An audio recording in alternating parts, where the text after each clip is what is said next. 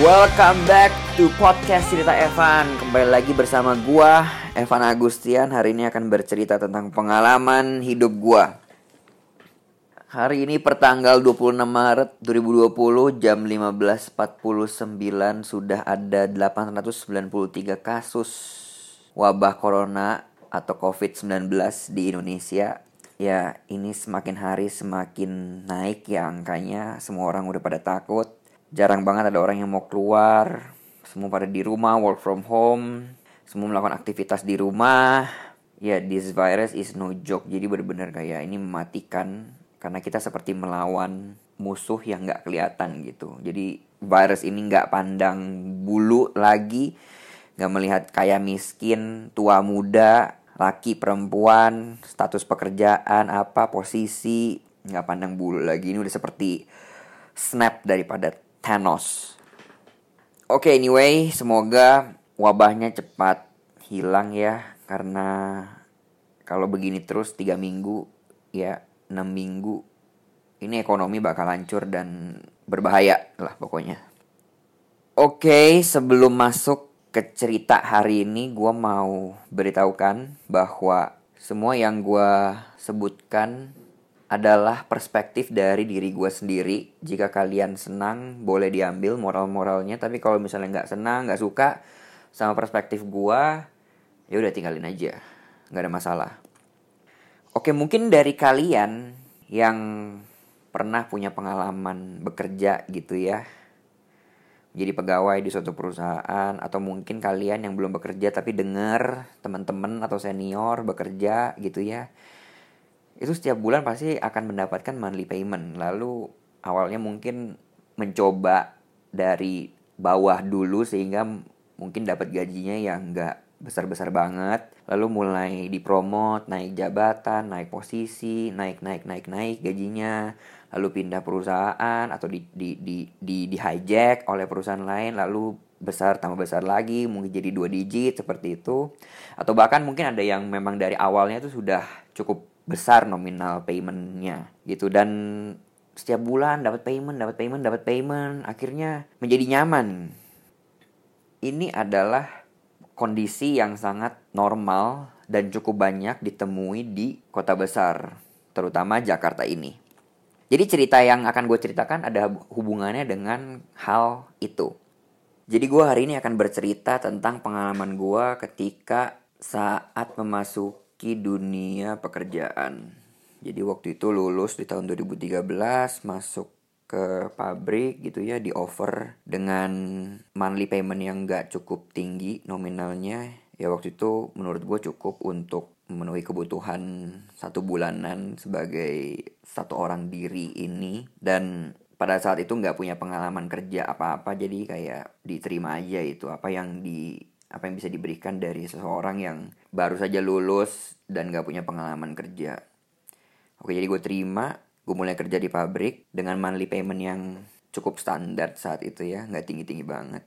Lalu satu tahun berlalu dua tahun tiga tahun berlalu 2013 2014 2015 perlahan-lahan paymentnya semakin naik. Tapi gue merasa menjadi nyaman karena saat semakin naik paymentnya gue akan semakin punya power untuk mengalokasikan uang tersebut untuk budget travel, budget beli elektronik, lalu tabungan semakin besar, budget buat asuransi gitu. Jadi gue hanya berpegang pada income dari kerja di pabrik itu. Nah karena kerja di pabrik itu menurut gue agak tense ya di posisi gue itu 80% kebanyakan gue harus turun ke lapangan ngecek produksi, ngecek delivery, ngecek problem-problem yang ada di lapangan 20% nya lagi itu gue ada di belakang meja, gue ada di depan komputer.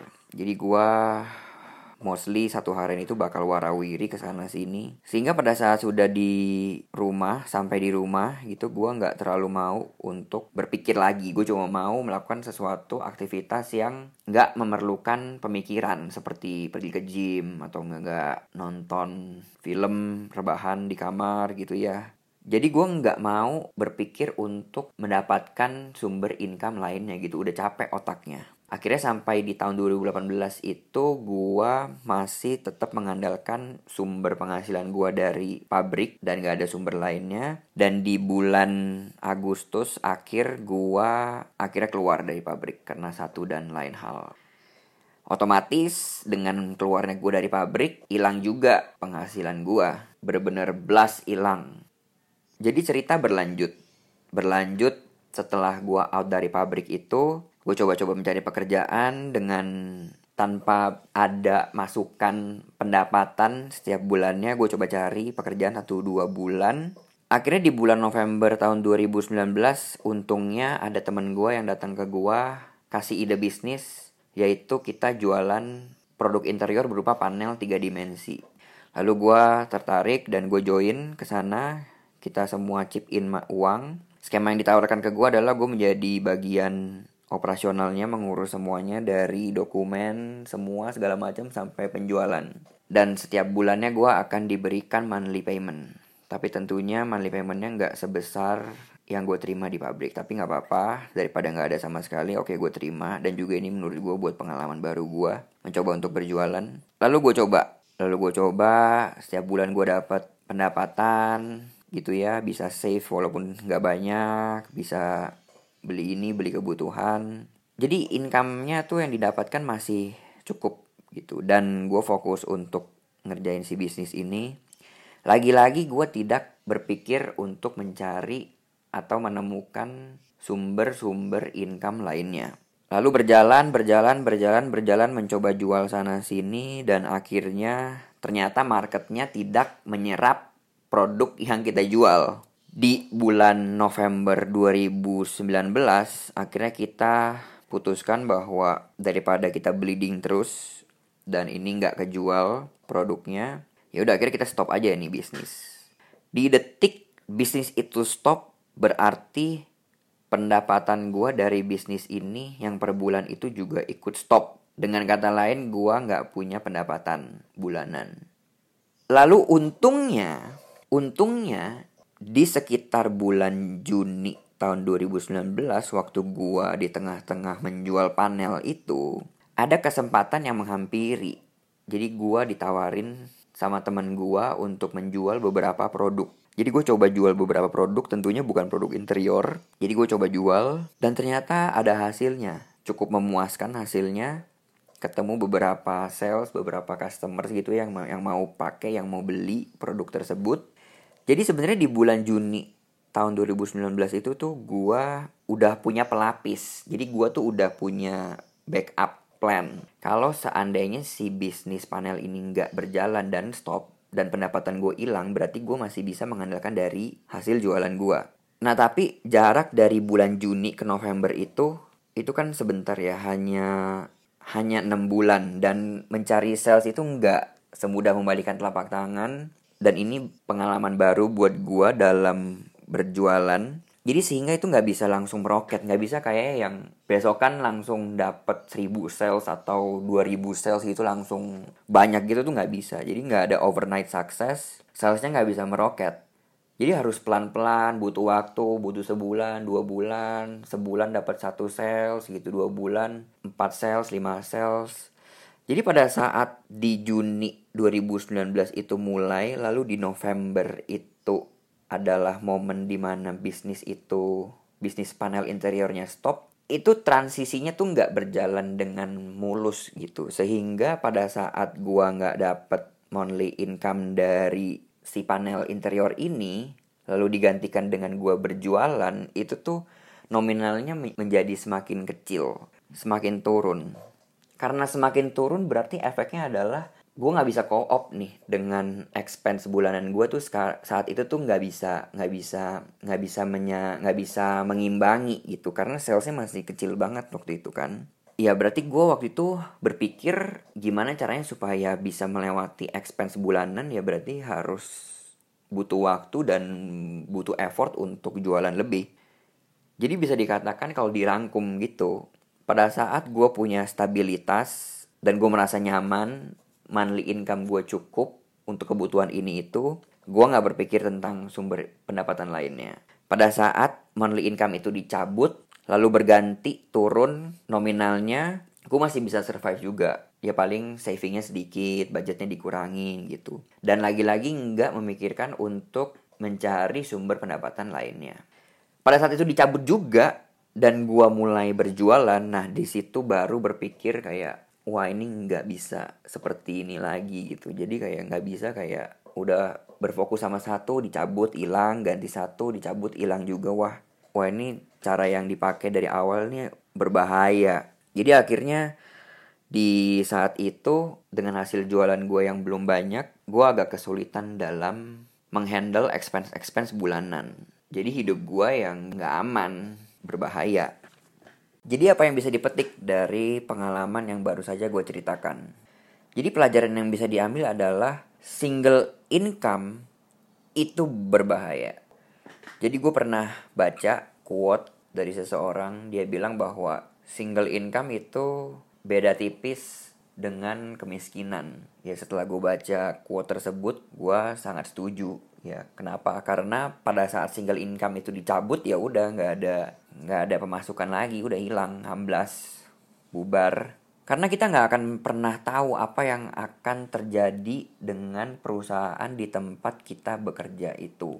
Atau kita nggak akan pernah tahu apa yang akan terjadi dengan bisnis yang akan kita kerjakan. Kita nggak tahu nih satu hari kemudian, tujuh hari kemudian, dua minggu kemudian, satu bulan kemudian itu kita nggak akan tahu apa yang akan terjadi dengan dengan perusahaan teman kita bekerja dan dengan bisnis yang kita kerjakan itu kita nggak akan tahu. Jadi selalu persiapan rencana jika kemungkinan-kemungkinan terburuk itu terjadi agar kita dapat menjadi aman secara finansial. Kita bisa mengamankan diri kita sendiri gitu. Bayangin aja nih misalnya ada satu orang gitu ya, dia mungkin posisinya udah bagus di suatu perusahaan yang ternama pula, monthly income-nya mungkin udah mungkin berapa 15 juta, udah sangat-sangat decent banget untuk hidup seorang diri. Lalu dia dia bisa save banyak, dia bisa alokasi untuk budget ini, itu, ini, itu. Wah, pokoknya udah sangat nyaman, udah sangat nyaman, udah sangat enak gitu ya tapi hanya mendapatkan income dari situ saja. Ya memang nggak ada nggak masalah sebenarnya. Tapi coba bayangin kalau tiba-tiba besok perusahaan tempat dia bekerja tiba-tiba bangkrut.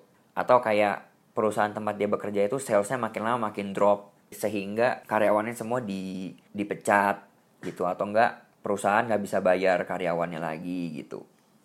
Atau bisa juga ada kondisi di mana bosnya sensi dengan pegawai tersebut sehingga membuat si pegawai itu nggak nyaman banget kerja di sana gitu. Dan mungkin saking nggak nyamannya dia harus keluar. Benar-benar udah toxic kondisi dari si bos tersebut.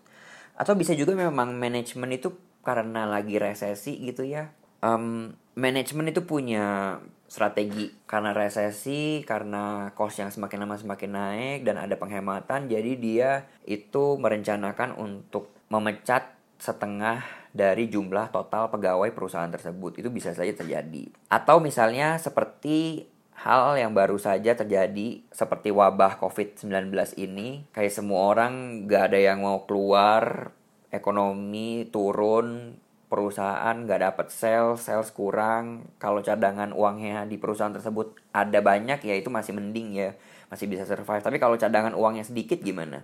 Ya yang kena imbas juga ya pegawai-pegawainya lagi gitu. Ya di tiba-tiba dipecat aja gitu. Nggak tahu-tahu nggak dapet income aja. Kalau nggak punya sumber penghasilan lainnya gimana sih pegawai tersebut bisa survive? Gitu. Jadi kondisi-kondisi seperti itu tuh kita nggak bisa kontrol. Kita juga nggak tahu apa yang akan terjadi di kemudian hari. Sehingga hal-hal tersebut tuh membuat diri kita itu menjadi tidak aman. Berbahaya gitu. Hidupnya berbahaya jadi kita mesti berpikir, kita harus berpikir keras ya mencari jalan gimana caranya supaya hidupnya tuh menjadi aman gitu. Menjauh dari kondisi-kondisi yang seperti itu. Jadi bisa diibaratkan income itu sebagai topangan atau kalau di tubuh manusia income itu adalah kaki. Kaki kita tuh untuk berdiri. Kalau punya satu kaki, iya betul kita bisa berdiri. Tapi begitu dipotong, ya kita pasti jatuh. Kalau kita berdiri dengan dua kaki, otomatis kita akan lebih firm, lebih lebih stabil. Begitu satu kaki dipotong ya kita masih bisa berdiri dengan kaki yang satu lagi gitu. skema ini juga bisa diaplikasikan di bisnis menurut gue. Jadi kalau di bisnis itu kita misalnya berjualan mencari klien, eh ketemu klien satu orang nih satu perusahaan yang loyal terus yang budgetnya banyak belinya banyak ke kita gitu. Terus kita nggak cari sales sales lainnya kita nggak cari klien-klien lainnya gitu. Kita udah udah enak lah sama si perusahaan ini aja. Dia belinya banyak kok dan sering. Tapi mungkin nggak tahu di kemudian hari perusahaan tersebut mungkin bangkrut atau misalnya dibeli sama perusahaan lain sehingga pemilihan vendornya bukan ke kita lagi. Jadi dia pergi gitu hilang dari kita. Jadi kalau kita nggak punya alternatif klien lainnya ya kalau kita bergantung dengan dia saja ya kita juga nggak punya pemasukan untuk perusahaan. Dan itu sangat berbahaya. Ada orang yang bilang kan kayak ya kan kalau misalnya mengandalkan single income kalau misalnya dipecat gitu kan kita bisa cari pekerjaan lain gitu. Iya memang benar bisa cari pekerjaan lain betul. Tapi mencari pekerjaan lain itu kan butuh waktu ya syukur-syukur sebulan ketemu pekerjaan lain. Nah kalau enam bulan nggak ketemu setahun nggak ketemu dua tahun nggak ketemu gimana? Gimana bisa hidup hidup dari mana gitu? Karena nggak ada pendapatan. Ya kalau misalnya yang dipecat satu orang satu orang ini masih bisa cari pekerjaan lain gitu ya ke perusahaan-perusahaan lain. Nah yang kalau dipecat 100 orang 200 orang lah itu 200 orang itu ya semua nyari-nyari kerja gitu. Jadi ya kompetisi semakin semakin tinggi. Masih mending kalau satu perusahaan doang. Nah kalau ada 10 perusahaan masing-masing perusahaan mencat 100 orang buset itu ada 1000 orang yang mencari pekerjaan di luar sana dan kompetisi pasti akan semakin fierce, semakin tinggi karena seribu orang mencari pekerjaan itu pastinya yang enggak semuanya dapat pekerjaan di waktu yang sama. Ada mungkin yang tiga bulan, ada yang mungkin yang setahun, ada mungkin yang dua tahun. Jadi waktu yang terbaik untuk memulai ini semua itu kapan? Waktu yang terbaik itu menurut gue adalah sedini mungkin. Kalau bisa tuh waktu mulai masuk kuliah Kenapa? Karena di kuliah itu waktunya cukup banyak buat seorang mahasiswa-mahasiswi dan 3 sampai 4 tahun itu cukup waktu untuk mengeksplor hal-hal seperti ini. Sebagai contoh, semisal ada mahasiswa yang belajarnya itu tentang video editing.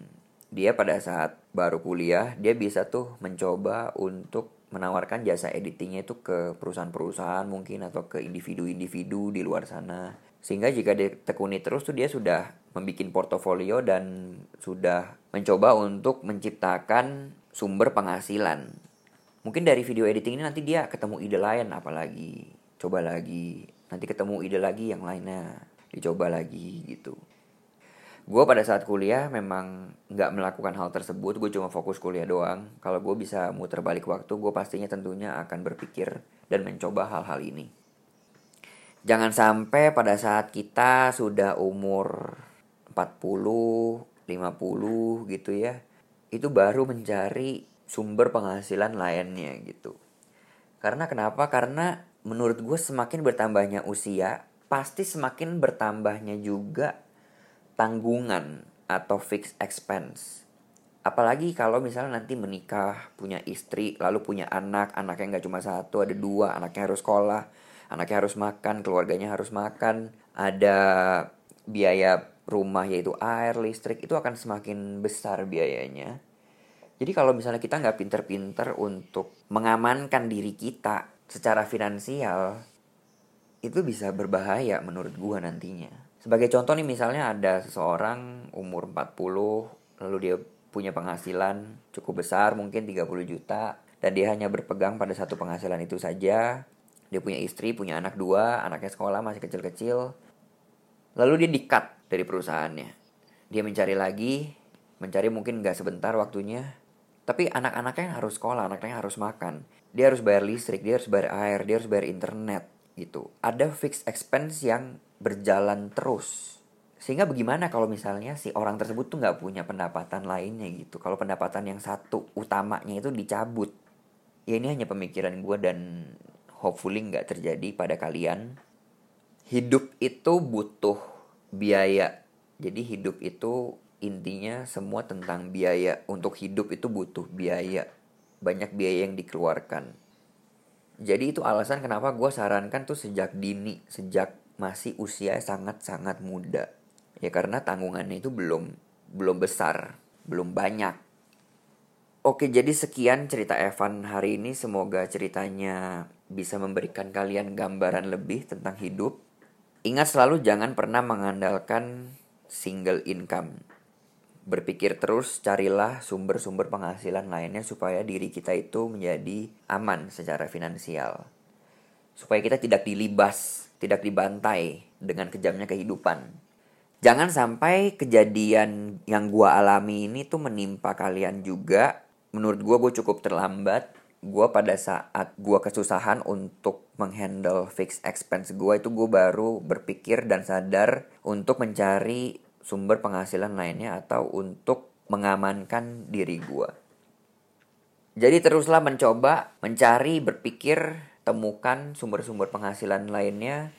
Hidup ini memang tidak mudah, tapi kalau kita berusaha dan mencari jalan tersebut, pastinya nanti akan ketemu jalan yang terbaik untuk diri kita. Oke, sekian cerita Evan kali ini. Sampai jumpa di cerita Evan berikutnya.